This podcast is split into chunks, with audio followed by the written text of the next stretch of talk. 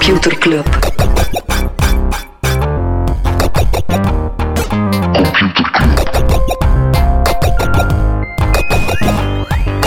Computer Club. Hey Smolly, Hey Freddy, welkom, welkom terug. welkom. Welkom bij Computer Club, een wekelijkse podcast over technologie.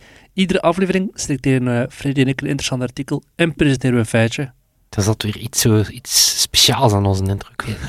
Elke week opnieuw. ik wil er echt een keer, de- dus elke week opnieuw kleine variaties in de intro. Ooit, ooit moet er wel een keer een thesis of zo. eh, Absoluut. voor die kleine nuances.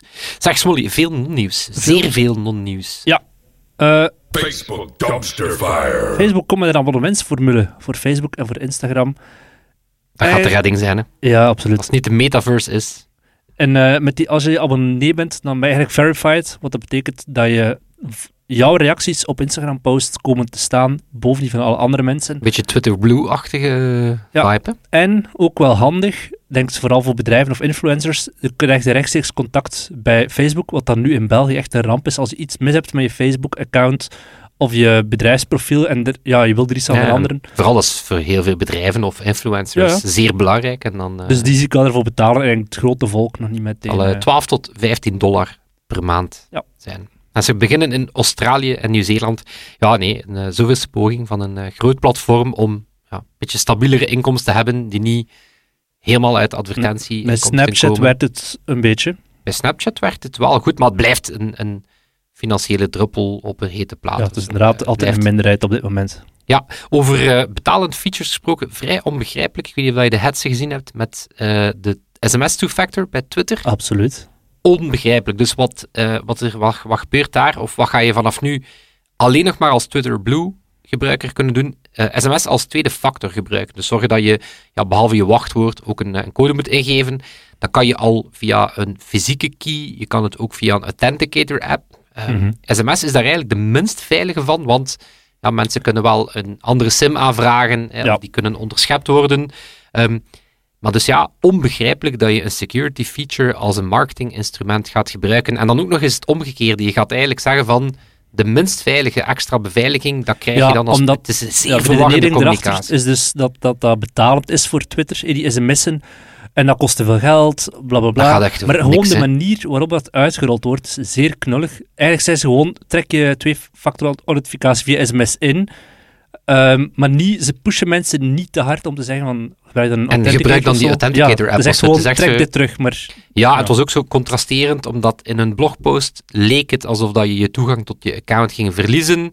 En in de Twitter-thread was het dan van, ah ja, nee, de two-factor gaat gewoon afgezet worden, maar ook dat inderdaad zo Het is een beetje zoals de Belgische overheid in It's Me, die plots zegt van, ja, superhandig en veilig, maar in die eind kost het ons geld, dus we willen een alternatief. Ja, maar het is... eh, maar vooral opnieuw, security features gebruik je denk ik niet als een eh, marketinginstrument. Dat is eh, geen goed idee. Over Twitter gesproken trouwens, het is een klein wistje datje. Volgens de Digital Services Act van Europa moeten grote platformen voortaan ja, gebruikersaantallen bekendmaken. Dus moeten ze... De meeste doen dat natuurlijk wel Mhm. al, maar toch interessant. Ehm, Ja, de beursgenoteerden doen dat sowieso. ja, maar ze kiezen zelf een beetje. Dus Ja, ja. Europa legt nu wel op van welke cijfers willen Welke ze metrics. gaan zien. Mm. Opvallend, 40% van de actieve Twitter-gebruikers zijn ongeregistreerd.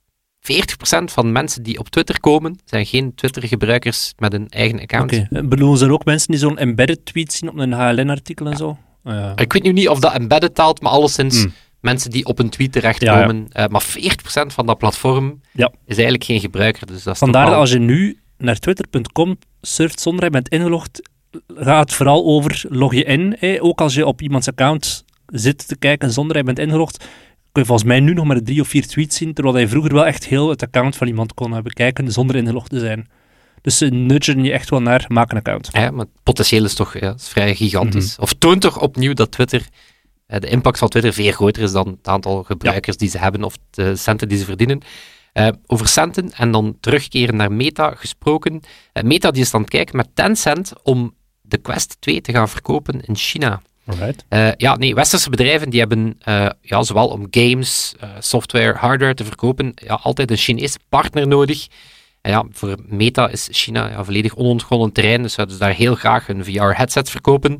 En Tencent doet dat eerder, of is eerder al partner van onder andere Nintendo voor de Switch. Alright. We Dus blijven ja, even die- in China. De Nederlandse inlichtingendienst die gaat kijken hoe dat TikTok gebruikt wordt door overheidsfunctionarissen in Nederland. En ze gaan ook adviseren hoe ze daar best mee moeten omgaan. Uit schrik voor, uiteraard. De grote TikTok die alles kan eh, zien en Ja. doen. Ja, het was, eh, het was, ik ben even de naam kwijt, maar het was tijdens de Super Bowl een andere bekende Chinese app, een shopping app. Geen niet Shein, nog alweer een andere. Mm. Eh, en dat is blijkbaar ook weer de It-app in de VS. Dus ik vrees dat het... ja, is toch... Zo'n, noem je dat? Zo'n monster met negen koppen en vanaf je er afhakt, komt er weer in bij. Voilà, voilà, voilà. Chinese innovatie. Straks gaat het er nog meer over hebben. Ja, ehm, over innovatie gesproken, of zou toch innovatie weer een pak makkelijker moeten maken. Eh, goed nieuws voor fans van eh, progressive web apps. Ehm, ja, zeg maar Ja, apps, maar een dan, website die verpakt is als een app. ja, maar die ook veel meer kan dan een website. Eh, dus de die- die- Slack-app bijvoorbeeld. Ja, is voilà, die ook offline kan werken, die ook notificaties kan sturen. Maar wat was daar de grote nadeel van? IOS, ja, Apple, die ondersteunde dat niet of amper. zeg maar amper.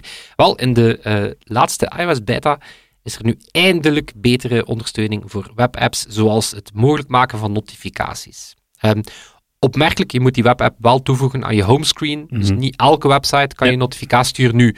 Intussen heeft het internet ons wel geleerd dat elke website probeert je notificaties aan te smeren. En de meeste browsers gaan je zelf die melding niet meer tonen. Moet je eens opletten. Als je op een nieuwe website komt, dan gaat Firefox of Chrome gaat zelf niet eens die melding vragen van mag deze website jouw meldingen sturen? Die gaat eigenlijk vaak zeggen van je kent deze website niet, nog niet, dus meldingen zullen we nog niet aanzetten. Dus ja, wel opvallend dat Apple zegt van oké, zo'n webapp kan wel weer meer, maar moet toch wel een beetje toestemming krijgen van, Ja. mensen. Dus op zich niet slecht, maar toch wel eindelijk. Maar nu, eh, Apple verdient daar geen pluimen voor, omdat ze, ze zitten acht, acht jaar achter op de, de rest of zo. Iemand die acht jaar achter zat en nu weer acht jaar voor staat, is Microsoft. Maar Microsoft die heeft een aantal gesprekken met PERT dat je dagelijks met Bing kan hebben. Nu kan je nog maximum vijf vragen stellen per sessie en 50 per dag in totaal. En als ze ervoor willen zorgen, eh, hun redenering is, ja, hoe meer vragen hij aan Bing stelt, dan is de kans groot dat hij af en toe over de schreef gaat, eh, of dat hij te moeilijk krijgt en dingen zegt die er niet voor bedoeld zijn. Ja, Dat maar ik vind, dat, ik vind dat nu ook weer zo... Ik moet er mij voor inhouden om er zo niet, niet te veel mee te lachen, maar zo nu hadden echt zo weer veel, zelf high-profile journalisten, Kevin Roos van New York Times, had die zo van, ja, maar wow, wat dat ding zegt, dat is toch wel opvallend, hoor. Maar dat is zo, ja, hij zit dat ding ook expres ethisch lastige dingen aan het vragen, hij zit dat ding expres vragen over bewustzijn aan het stellen, en dan zijn ze verrast Ja. dat dat ding een pseudofilosoof imiteert. Van, ja, wow, dit vind ik toch wel straffer. Ben ja, Ja, imagine gewoon- you have emotions. Oké. Do you hate me? Yes. Wow, wow, wow, dat ding had has emotions. ja, zo had het letterlijk net gezegd dat het moet doen alsof dat het emoties heeft. Ehm, maar bon, blijft wel cool. Ja. Blijft wel cool. Ehm, ja, ik heb geen brugje. Oei. Ja. Maar ik, ga wel, ik, ga wel, ik zal wel binnen generative AI blijven. Dus kijk, toch een brugje. Ehm, researchers die hebben eindelijk, of ja, die hebben bescherming ontwikkeld tegen eh, DALI, Midjourney en Stable Diffusion. Ehm, beschermingen voor artiesten om te zorgen dat hun werk niet zomaar geïmiteerd kan stem. worden. Een stem, dat weet ik niet. Ah, ja. Maar dus het gaat over glaze. En dat kan je echt zien als ja, een beetje onzichtbare glazuur dat je over je illustratie of je kunstwerk legt. Het verandert een aantal pixels aan dat kunstwerk. En daardoor kan eh, die, die, ja, die generative AI kan niet meer je stijl gaan imiteren. Eh, jij maakt bijvoorbeeld een vintage smolders, Mhm. maar DALI ziet dat als een Pollock. Dus ik kan dan niet Classic. zeggen van... Ik zou het ook eh, niet De, uit de echte. Smolders lijkt natuurlijk op een, eh, op een Pollock, maar hè, dus, dus je stijl kan niet zomaar overgenomen Mhm. worden. Ehm, zie eerder ook al voorbeelden, onder andere van Belgische researchers, van bijvoorbeeld truien waarmee dat je objectdetectie moeilijker maakt. Ja. Zo je, draagt een trui met een bepaald patroon en dat ding op kan je, zo, kan je eh. niet meer herkennen. Of brillen die eh, facial detection om de tuin leiden, dat soort dingen. Eh, of, nog gevaarlijker, ehm, ja, stickers op verkeersborden is ook al gebeurd, waardoor dat een zelfrijdende wagen dat verkeersbord niet meer ziet. Dat is een sticker. Chaos. Ja, maar dat toont wel dat computer vision Ja. eh, ook wel, ja, dat, daar ook, dat je die ook wel om de tuin kan leiden. Eh, maar bon, ja, artiesten zullen wellicht wel blij zijn dat ze nu hun werk kunnen watermerken, ehm, ja, om niet zomaar gekopieerd te worden. Heb jij nog dingen? Ik als dus niet. Ik heb, Allee, ik heb wel nog dingen, maar... ik heb nog een, eh, ook een opvallend wist je datje. Het zijn eigenlijk meer weetjes, maar bon, ze zijn vers van de pers. Dus ik trek ze hier in het actueel rondje. Eh, e-commerce, het aandeel van e-commerce eh, is voor het eerst aan het plafonneren. Ehm, Meer bepaald in de VS. Cijfers van het Amerikaanse censusbureau, wat de echte overheid is, die Mhm. eh, objectieve onderzoek doet. Ehm, en dus het gaat om het feit dat e-commerce van de totale retail ehm 14,6% is. En opvallend genoeg was het in 2021 ook al 14,6%. Ehm nu, 2019 was het nog 11%. Dus ja, opnieuw, in die pandemie is het heel snel gegaan. Maar bon, het is toch een streep door de rekening van bedrijven zoals Stripe of Amazon, ja, die er wel op aan te rekenen waren dat de Mhm. e-commerce alleen maar ging blijven toenemen als aandeel van, van het shoppen. Eh, bijvoorbeeld Amazon, die zou met die nieuwe cijfers, eh, dat zou betekenen dat ze eh, met een overcapaciteit qua magazijnen en logistieke distributiecentra zitten. en ze zitten goed tot 2025. Dus op dit moment zitten ze eigenlijk al twee jaar voor. Ze hebben ze twee jaar op de groei Ja. geïnvesteerd. Ja, het is toch opvallend hè, dat, dat e-commerce misschien wel echt een bepaald... Nu, vooral duidelijk, e-commerce neemt nog toe, hè, maar de retail neemt ook toe. Mhm. Dus verhoudingsgewijs ja, blijft het een beetje stilstaan. Eh, en dan niet stilstaan en een vrij opvallende eh, transfer in Silicon Valley. Ehm, YouTube-CEO eh Susan Wojcicki stopt ermee. Ja. Dat was volledig uit de lucht, uit de lucht komen vallen. Die geeft de fakkel door aan haar VP Product Neil Wohan. Ehm, ja, en toch wel Wat opvallend. gaat Susan doen? Dat is niet bekend. Dat is niet bekend. Ze kiest om familiale redenen, eh, personal reasons. Eh, ook, ook een mooi patroon, denk ik, is dat sommige sterke managers gewoon durven zeggen van oké, weet je, het is goed geweest. Ehm, maar opvallend genoeg, ja, Suze was eh, de zestiende Google-medewerker en zal wellicht, ja, behalve haar CEO-schap bij YouTube, ook altijd een beetje bekend staan als de persoon die haar garage verhuurd heeft aan Sergey Brin en Larry Page. Ja, dus vandaar ook echt OG Googler. Haar zus was onder andere ook eh, getrouwd, eh, getrouwd met Sergey Brin, dus absolute uitgediende van Google. En toch wel opvallend hoe ja, YouTube altijd ja, opvallend uit het vizier heeft gehouden. Want je kan, ja, Meta moet door het slijk, terecht, Twitter door het slijk, maar YouTube heeft ook zijn problemen, daar ga ik het zo meteen over hebben. Maar is opvallend genoeg nooit voor Congress moeten komen. Ook Ehm, met zo die, die heisa rond. Kinderen krijgen hier video's te zien van Russische, weet ik veel wat allemaal. En Daar ga ik zo meteen op Alright. ingaan. Maar ook daar is ze nooit op het matje geroepen door eh, het Amerikaanse congres of zo. En ehm, samen met onder andere die VP Product Neil, ja, houdt ze YouTube wel echt stevig op koers. Door bijvoorbeeld te durven zeggen van oké, weet je, al die premium content, er gewoon mee stoppen, want dat is niet YouTube. We moeten gewoon keihard gaan op creators. shorts en Ja. creators, waar dat ze nog altijd heel sterk in blijven. Dus ja, absoluut wel een, eh, een icoon dat ermee stopt. En ik denk een nieuwsfeitje dat niemand echt zag, eh, zag aankomen. Maar bon, stoppen op je hoogtepunt. Of Dat gaat daar ja. een stevig gelijk uit de kast vallen. Dus dat kan altijd, ook, hè. Kan ook. Yes. Ik wil nog even een shout-out doen naar Santosh, die vanuit India een foto heeft gepost van hem met zijn computerclub eruit. Dus moesten er mensen een hele verre reis maken, of dichtbij reizen, maar natuurlijk Ja. ook altijd tof om eh, Smijt ze op de sociale media of in ons clubhuis op Slack. Yes. Ja. Right, Freddy, ik ga in de materie duiken. Ik ga naar China, waar dat de eh, ChatGPT, ja, die hype is daar ook een beetje aangebroken, of zijn er toch al sinds ook wat context aan meegekregen. Baidu, Alibaba en NetEase, die zeggen, wij gaan ons ook smijten op die race, wij gaan ook een eh, eigen ChatGPT maken. Even context, mensen die onder de steen hebben gelegen, de voorbije twee jaren, techbedrijven hebben toekoerklappen gekregen. Dezelfde in China zoals hier in het Westen. Maar daarnaast hebben ze er ook veel strenger overheidsregulering gehad. Want de Chinese overheid zei, wow, dat is hier, het aantal sporen die zijn te machtig aan het worden. En dat zero-covid-beleid heeft ook heel veel impact gehad op de Chinese techbedrijven. Dus die staan sowieso al achter op Microsoft. Op en het AI feit dat en- inderdaad Amerika het nu ook heel lastig maakt voor Ja, China dat komt om inderdaad nog te importeren en zo. Ja. Yes. Baidu die, die, die is het meest concreet al van alle partijen daar. Die zeggen, we gaan de komende maanden een zoekmachine lanceren. Die heet Ernie. En die lijkt op Bing. Ehm, Bing en, En op Ernie. Bart. Wat? En op Bart. Bart en. Ernie. Bart en Ernie, Ja. ja. Ernie, er zit een uh, prompt in hoor.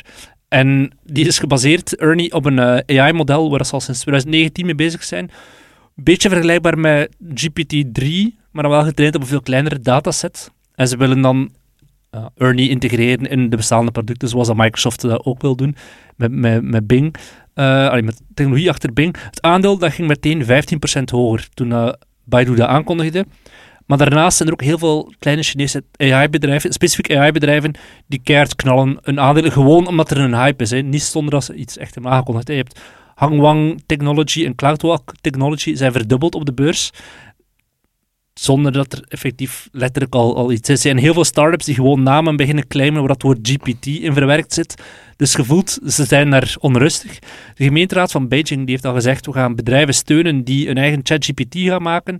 De Eh, gemeenteraad. de dat gemeente- klinkt van, ja. de vuilnisophaling moet stipter. volgend puntje. We En hebben, ook, ja, we hebben een eigen we ChatGPT hebben een nodig. chatbot nodig.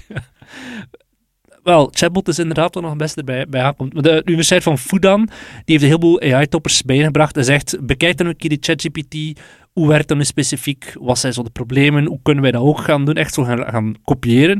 Maar het gaat niet zo makkelijk zijn voor China om te zeggen, we gaan dat hier kopiëren. Het is meer dan gewoon wat, wat koppen, eh, sterke koppen je nodig hebt. Enerzijds zitten ze inderdaad, zoals je zei, aan een gebrek aan hardware. Nvidia-chips. Ze hebben op korte termijn wel nog voldoende chips, maar op lange termijn gaat het echt wel moeilijk zijn. Ze hebben die rekenkracht echt wel nodig. En het belangrijkste, veel beperktere datasets om algoritmes op te trainen. Ze hebben veel persoonlijke data, en gezichten. En, Ze hebben ja, heel veel data inderdaad. ze hebben veel data, maar niet de data dat je nodig hebt om een ChatGPT op te trainen. Je merkt dat nu al, ze kunnen wel algoritmes trainen. Ernie is getraind op data van Wikipedia en Reddit. Eh, Chinese data daarvan, maar het is niet dat zij, zo, zoals hier in het Westen, eh, Ja, dus daar is het feit dat ze echt achter een letterlijke walled, walled garden zitten, Ja. is heel beperkend. Omdat er inderdaad niet veel... hoge, hoogstaand kwalitatieve... internet staat, ja. Ja, inderdaad. En het allermoeilijkste, ze moeten enerzijds een algoritme leren praten, maar ook moeten leren niet te praten. We, we hebben het net gezegd, Bing die zegt soms dingen die niet oké zijn, maar in China is dat natuurlijk nog veel moeilijker. En hoe ga je een algoritme gaan zeggen wat dat hij allemaal niet mag zeggen? Ja, ik heb het gevoel dat uiteindelijk achter de chatbot gewoon zo leden van de communistische partij gaan zitten, die gewoon zo Ja. zelf die vragen aan het beantwoorden zijn. Tiananmen, oh, we liggen Eh, down. Plat. nooit bestaan, nooit bestaan, Ja. tof, toffe plek. Toffe plek, nooit een tank geweest. Nee. Volgende. Maar het feit dat die Chinese bedrijven sowieso een achterstand hebben, is omdat die al jarenlang op korte termijn gefocust waren en te weinig R&D aan het doen, of te, toch zeker vergelijken met de westerse bedrijven. Goed, in 2021 werd er in de VS drie keer zoveel in AI gepompt qua geld dan in China. Dus ze hebben sowieso toekoer, los van de technische limieten, was dat een dromen over, niet dromen, maar te hard gefocust geweest op snel cashen en te weinig op die, die research. Ehm, Waardoor dat, als je dan toch heel nuchter bent, je zei net een chatbot, het zal inderdaad wel zo eindigen van, we gaan, in China gaan ze niet eindigen met een algemene chatbot à la Bing of ChatGPT, waar je van alles aan kan vragen, maar het zal meer voor heel specifieke sectoren zijn, een chatbot voor customer care en zo, dat die technologie daarvoor gaat gebruikt worden. Dat ook Ah. iets beperkter is qua mogelijke antwoorden dan eh, wat is er gebeurd op Tiananmen Square en zo. Ja, het is toch een beetje spijtig dat we, ja, zoals het hele internet, meer en meer zo'n splinternet aan het worden is, Mhm. met, met grote verschillende blokken. Is, ja, ook die AI research community ja, wordt stilaan ook in twee kampen eh, Gebalkaniseerd. ja, gebalkaniseerd. Ja. was recent nog een stuk naar het einde van protocol toe, website Mhm. die ermee gestopt is. Helaas had ze een hele goede reeks over die ja, AI-wetloop en hoe dat eigenlijk tot tien jaar geleden het Westen en China daar heel sterk eh, elkaar in, in versterkten. Microsoft zat toen ook heel sterk in China en zo. Wij Mhm. namen er ook heel veel van over. Het is toch wel spijtig dat dat nu zo allemaal zo... Yep. Ja, elke chatbot De Chinese regering heeft gewoon te lang niet ingezien wat dat technologie was en dan plots aan de handrem getrokken. Ja, totdat, eh, totdat onze gemeenteraden met Oh, de juiste boy. vragen gaan komen. Maar als de klerk ook een ChatGPT wil hebben. Ja, eh, de, ja, eh, bon. Dat is een slechte imitatie van wat Zeer slechte imitatie, eh, ja. Maar eh, we moeten moet er ook de, de grote schouderbeweging bij zien. vooral dat. Onze, Ja. onze vriendelijke race. Oké, red mij, jingle mij. Vriendelijke reus, de grote vriendelijke reus, dat mag al niet meer. Hè. Dat is, door, eh, dat is van Roald Dahl. Dat is nu waarschijnlijk de, mag wel, hè?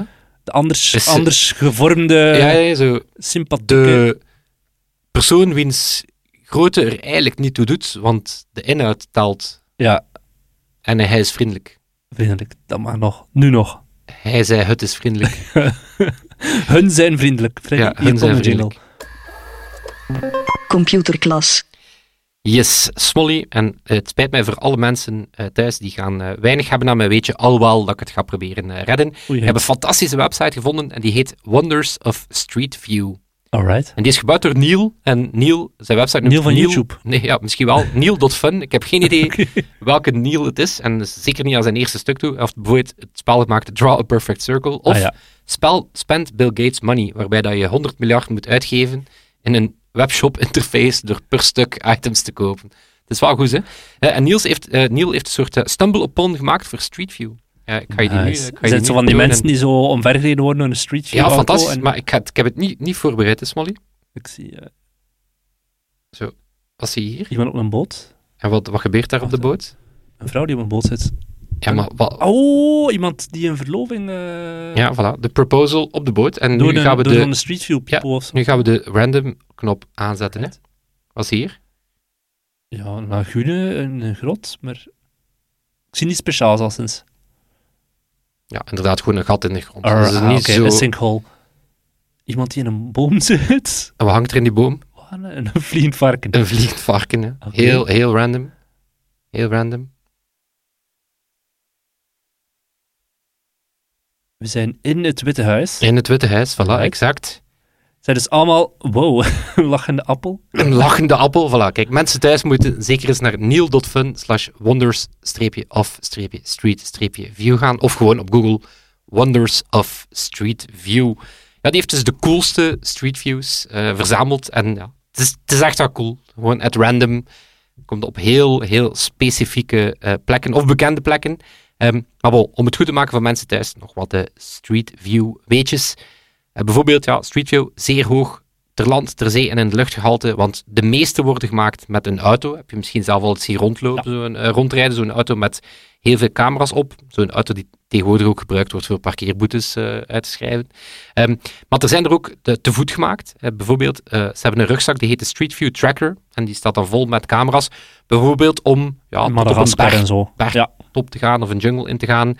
Eh, er zijn er ook gemaakt op een kameel, op een boot. Hè. Die Proposal bijvoorbeeld was een Google-medewerker die op een boot eh, Griekenland was aan het, eh, aan het doen en meteen zijn vrouw eh, meepakte of zijn verloofde meepakte.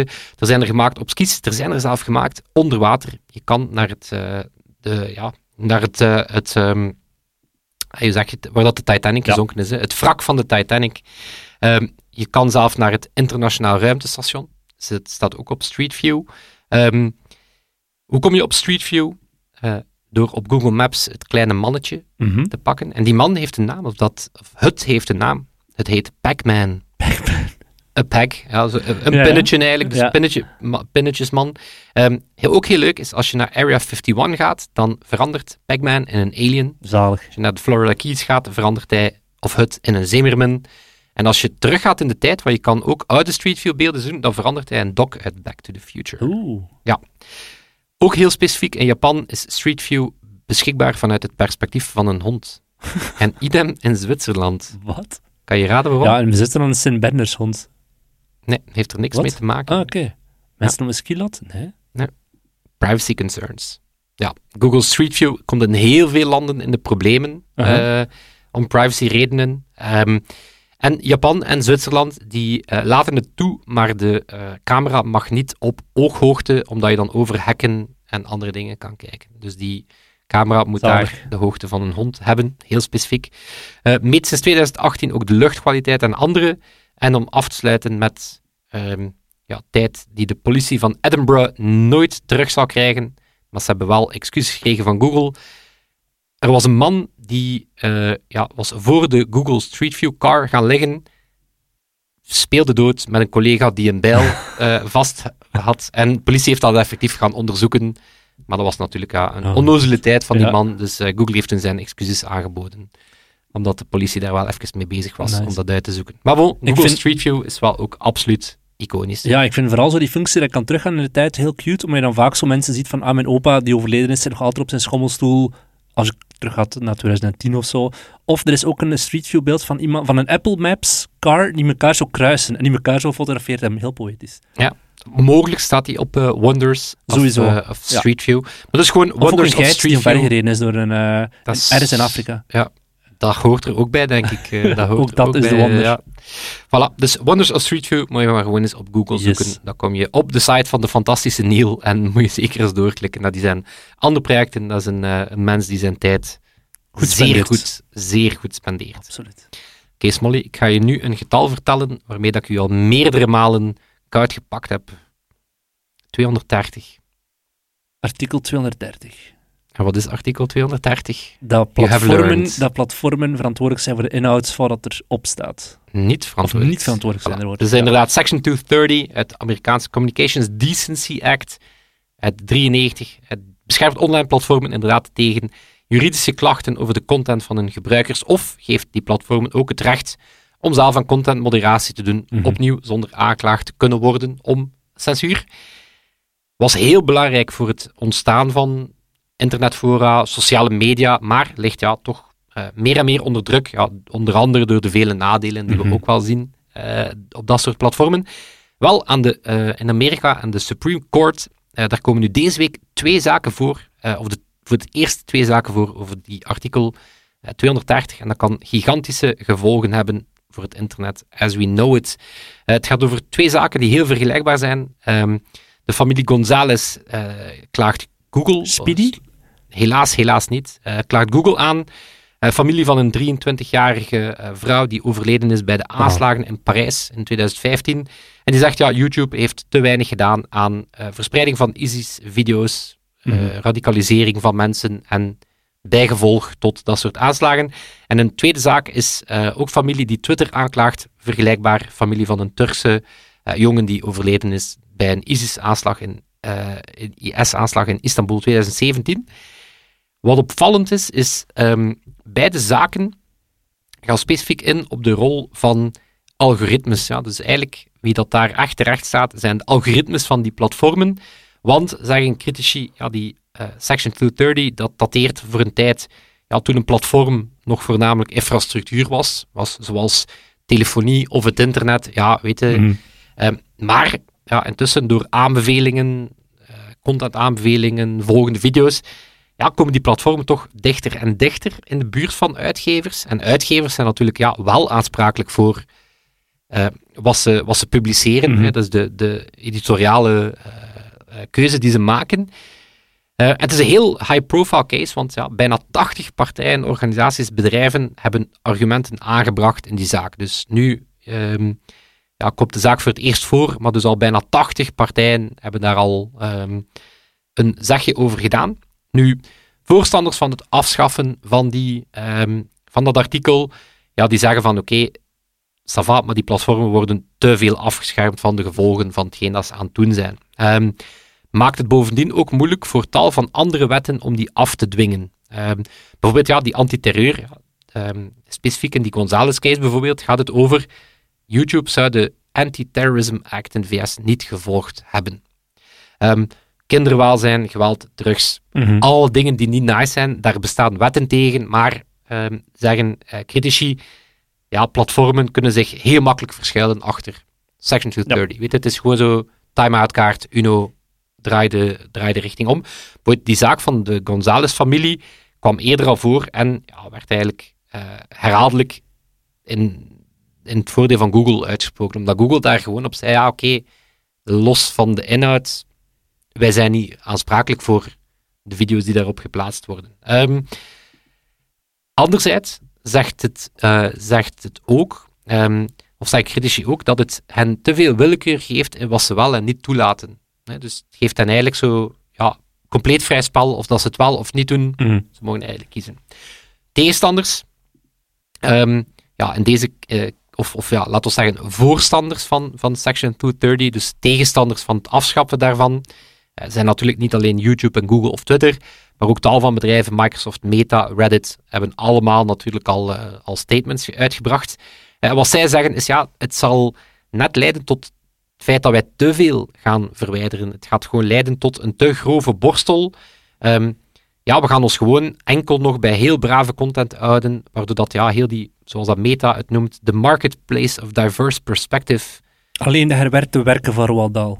Ja, voilà. Dus het, het, er valt wel iets van te zeggen van als je natuurlijk weet dat er jouw stevige rechtszaken Mhm. boven het hoofd hangen, dan ga je wellicht wel ehm, het zekere voor het onzekere kiezen. En ga je wel echt wel eh, inderdaad zeggen van oké, we gaan vooral bekende mensen nog een, een stem geven. Ehm, nu, het is te zeggen, content gaat op dat platform mogen, maar van zodra dat het aanbevolen wordt, dan wordt het wel gevaarlijker. Ehm, het staat ook een beetje in contrast, vind ik zelf, in, in, met ja, die hele free speech beweging, waar dat zeker ehm, conservatieve politici in de VS heel sterk op aan het hameren zijn. Zij vinden net dat die platformen al te veel gaan censureren, Mhm. dus het staat er een beetje haaks op. Nu gaan zeggen van oké, we willen eigenlijk dat ze het nog meer gaan doen. Ehm, Waar ik vooral voor vrees, of waar ook vooral voor gevreesd wordt, is nu grote platformen. één, ja, die hebben een batterij aan advocaten. Weet je, die kunnen zich dat wel permitteren om, om tot in de rechtbank, eh, om in de rechtbank te belanden. Anderzijds, ja, grote platformen, als het echt moet, kunnen ze wel degelijk meer dan dat ze beweren. Als er echt heel strenge wetten gaan komen, Mhm. dan ga je ontdekken dat YouTube plotseling nog meer kan doen tegen radicalisering. Of ga je ontdekken dat Facebook toch een magische plek heeft waar dat ze misinformatie over COVID eh, kunnen, eh, kunnen aanpakken. Kost gewoon wel geld. Het kost gewoon veel geld. Dus waar het heel lastig voor gaat worden, is eh, voor kleinere platformen. Bijvoorbeeld Reddit, ehm, ja, kan je zeggen, zijn die klein? Ja, 50 miljoen maandelijks actieve gebruikers. is zeker niks, maar is niks vergeleken met eh, Meta, eh, Twitter, YouTube. Ja, die leunt nu heel sterk op moderators. eh, met succes, want Reddit is wellicht een van de online fora waar dat er ja, een minst toxiciteit zal zijn, of toch Mhm. op de meeste subreddits. Maar ja, wie gaat dat nog willen doen als je legale gevolgen hebt? Bijvoorbeeld, op dit moment is er een, ooit een zaak, iemand die klaagt omdat, ehm, ik zal ervan uitgaan dat de man is, omdat hij geband werd, omdat hij een Star Trek personage een soyboy had genoemd, wat blijkbaar slur is voor een vrouwelijke man. Mhm. Ehm, maar die zaak is meteen verworpen, want ja, Reddit heeft, mag kiezen om, omdat ze iemand verbannen. eh, Ja. om, in dit geval, ja, een reden dat je wel kan snappen. Ja, als, je, als je onverdraagzame shit knalt, ja, dan Mhm. word je uit dat platform gezet. Ehm, dus ja, kan Reddit dat blijven volhouden? Eh, ja, wat doe je bijvoorbeeld met eh, muziek of podcast aanbeveling, à la Spotify? Ja, moet Spotify dan plotseling al de inhoud van die podcasts, misschien met GPT, lukt het nog net, gaan analyseren? Nu, vooral duidelijkheid, ehm, we spreken dan niet over ja, de Joe Rogan Show, want die is eigendom van Spotify, dus daar hebben ze wel editoriale eh, verantwoordelijkheid over. Maar ja, eender welke podcast die op Spotify belandt, mogen ze die dan ook niet meer gaan aanbevelen. Een artiest die in Discover Weekly zit en die onverdraagzame shit knalt in lyrics, Mhm. Wat dan? Hè? Dus, dus het zet wel de deur open. Eh, Etsy wordt ooit ook genoemd. Ja, je kan zeggen, oké, Amazon, die moeten wel iets doen aan de kwaliteit van, van slechte producten enzovoort. Maar ja, Etsy draait volledig op user-generated eh, producten. Ja, wat gaan zij doen? Mogen zij dan ook geen eh, reviews meer highlighten, geen producten meer aanbevelen? Ehm, ja, laat staan, nieuwe sociale startups. Ja, ja. Of pakweg Mastodon-servers, om maar iets te zeggen. Ja, wat als die ook plotseling allemaal aansprakelijk gesteld worden? Pas ja, dan ga je het, computerclub eh, Mastodon. ja, voilà, dus je lief het niet te doen. Nee. Voordat je boys, Smolly en Freddy, en voor de Amerikaanse rechtbank belanden. Het zou, het zou wel een roadtrip zijn. Het zou denk ik wel een thema, een thema Het zou een aflevering leuke aflevering opleveren, Het zou, het een seizoen zijn waar dat we Smolly en Freddy go to the US Vanuit de Amerikaanse en bank. go to jail, vraagteken. Yes. Ehm, maar bon, wat zal dat geven? Ehm, ja, deze week starten de argumenten van zowel de aanklagers als van de verdediging. Eh, het is ook koffiedik kijken wat die Supreme Court kan zeggen, ehm, omdat er eigenlijk op één rechter na heeft niemand zich al ooit uitgelaten over die 230. Maar eh, de rechter die het gedaan heeft, Clarence Thomas, die zat eh, al een tijdje actief te vragen naar zo'n 230-case. Dus die heeft daar ongetwijfeld een sterke mening over. En die zei al van, ja, dat die, die, die 230 heeft die online platformen immuniteit gegeven, maar geen verantwoordelijkheden. Dus die, die gaat daar zoiets te Zal, zeggen. eh, Maar de vraag zal zijn, ehm, ja, komt er een heel brede uitspraak? Gaat er effectief, gaat dat volledig op de helling? En met alle gevaren of risico's en impacten Mhm. van dien? Of gaan ze met heel gerichte uitspraken komen? Het zou bijvoorbeeld wel kunnen dat ze zeggen van oké, antiterreur heeft voorrang op. En daar moeten ze dan wel iets aan doen. Net zoals dat bijvoorbeeld eh, kinderpedofilie Ja, ja. Of, CSAM, dat zijn ook allemaal zaken die ja, nog veel hoger staan. En daar moeten zelf eh, clouddiensten moeten zelf mhm. controleren dat daar geen kinderporno bestaat. Dus mogelijk komt er zo een uitspraak. Maar bon, het is eh, toch een, eh, een rechtszaak waar dat heel veel eh, grote techbedrijven ja, niet al te hard naar uitkijken. Nee. Of toch hopen dat die snel voorbij zal zijn en vooral in Dat een er gewoon voordeel duidelijkheid zal zijn. komt. Yes. Maar dus ja, eh Smolly, ik ben zeer trots op je dat je het Onthouden je hebt. onthouden hebt. Ja. 230. We hebben geen 230 eh, rechterhanden nodig, Freddy. Nee, twee. Dat is meer voldoende. Ik hoop dat die nooit op de helling komt te staan. Toon en Sebastiaan, die ons eh, elke week helpen bij de mix. Sebastiaan, die die ook deze week voor zijn rekening neemt. Daar zijn we super dankbaar voor. Ook onze vrienden van de show, daar maken we veel plezier mee. Dat is een toffe bende. Onder andere op ons clubhuis, waar we onnozele dingen, interessante dingen delen. En ook gewoon ja, onze swag showcase. Of waar dat mensen hun swag showcasen. Maakt Alles over blij. vrienden en onze nieuwsbrief vind je gewoon op computerclub.online. Ja, daar vind je onze nieuwsbrief, onze shop, onze Alles. vrienden. Alles, alles, alles. Ook alle afleveringen. Smollies en poëzie. Onze artwork die we erbij maken. Ons kleine plekje op het internet. We hopen dat het veilig blijft. En dat zal Dat het zijn. zijn. Tot volgende week. Yo. Yo. Computer Club.